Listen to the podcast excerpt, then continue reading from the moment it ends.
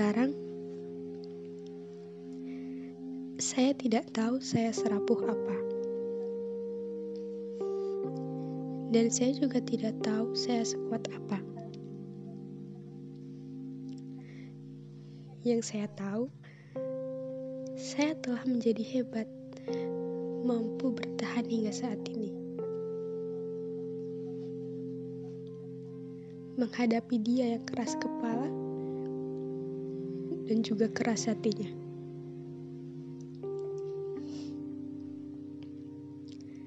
Dia tidak pernah berkata-kata. Sekalinya bicara, malah saya yang tidak tahu harus apa.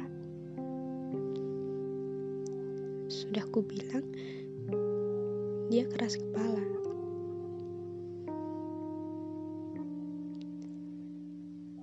Kadang saya bingung harus bagaimana.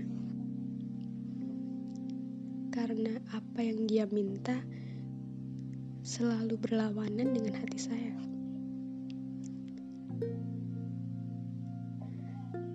Kadang saya terpaksa mengiyakan agar terlihat baik-baik saja. Pun kadang saya mengtidakkan. Tetapi dia tetap pada pendiriannya. Sudah kubilang kan? Dia keras kepala.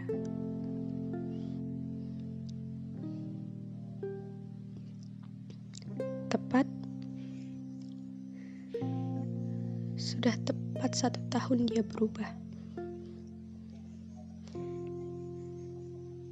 Tidak seperti dia yang sangat menginginkan saya pada awalnya. Sebenarnya tidak ada yang berubah.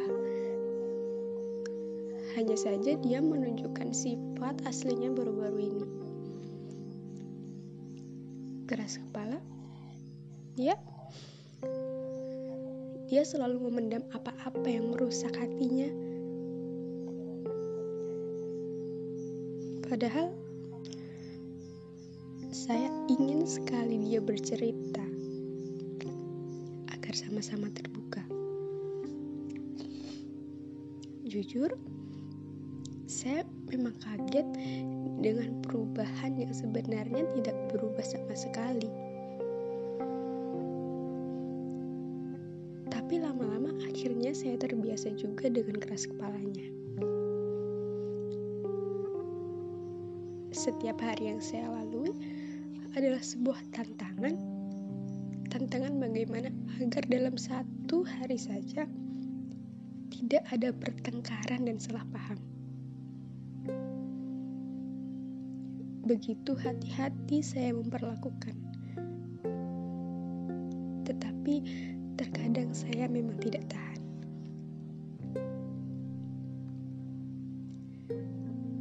Kadang saya merasa tidak ingin dengannya.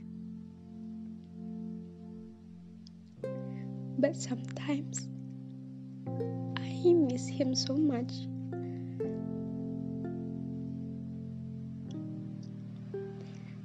Karena dengannya, saya tidak pernah kehabisan kata-kata. Karena dengannya, saya tidak pernah kehabisan ide-ide konyol untuk membuat kejutan-kejutan kecil untuknya. Dan karena dengannya, saya menjadi saya yang apa adanya. Mungkin di mata orang lain saya adalah seseorang yang tegas, mandiri, dan keras kepala. Namun di hadapannya, seketika saya menjadi anak kecil yang manja. Dan tentu juga masih keras kepala.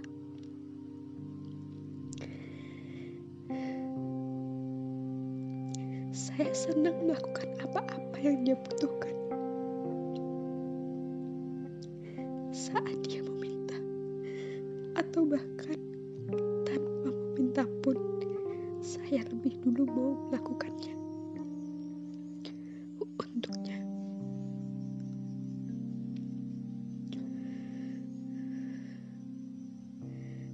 Ketika hati saya dipatahkan Tuhan menghadirkan teman-teman yang begitu baik. Menemani saya. Menghibur saya. dan menasihati saya bahwa apa yang saya lakukan selama ini adalah hal yang bodoh. Ya, saya sadar. Kadang saya merasa bodoh. Tetapi ternyata kebodohan itu tertutupi dengan ketulusan.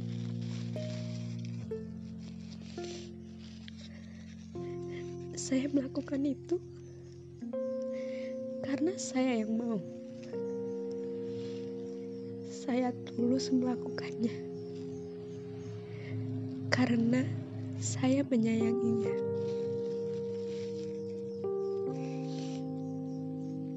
Sejengkel-jengkelnya saya, saya tidak pernah bisa marah dengannya.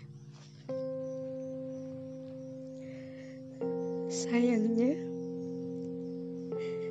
sesayang-sayangnya saya ke dia, dia tidak akan membalasnya. Terlebih ketika dia sudah memilih untuk bersama orang yang dirasa tepat untuknya. Saya tidak bisa apa-apa. Keadaan mengharuskan saya untuk pergi. Bukan karena saya tidak menyayanginya.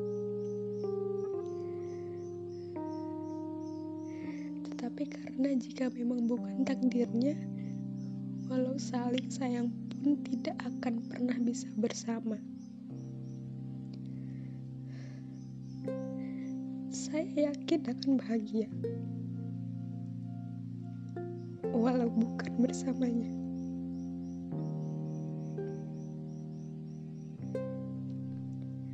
Terima kasih telah menjadi terindah. Dan selamat berjumpa pada takdir kita masing-masing setelahnya.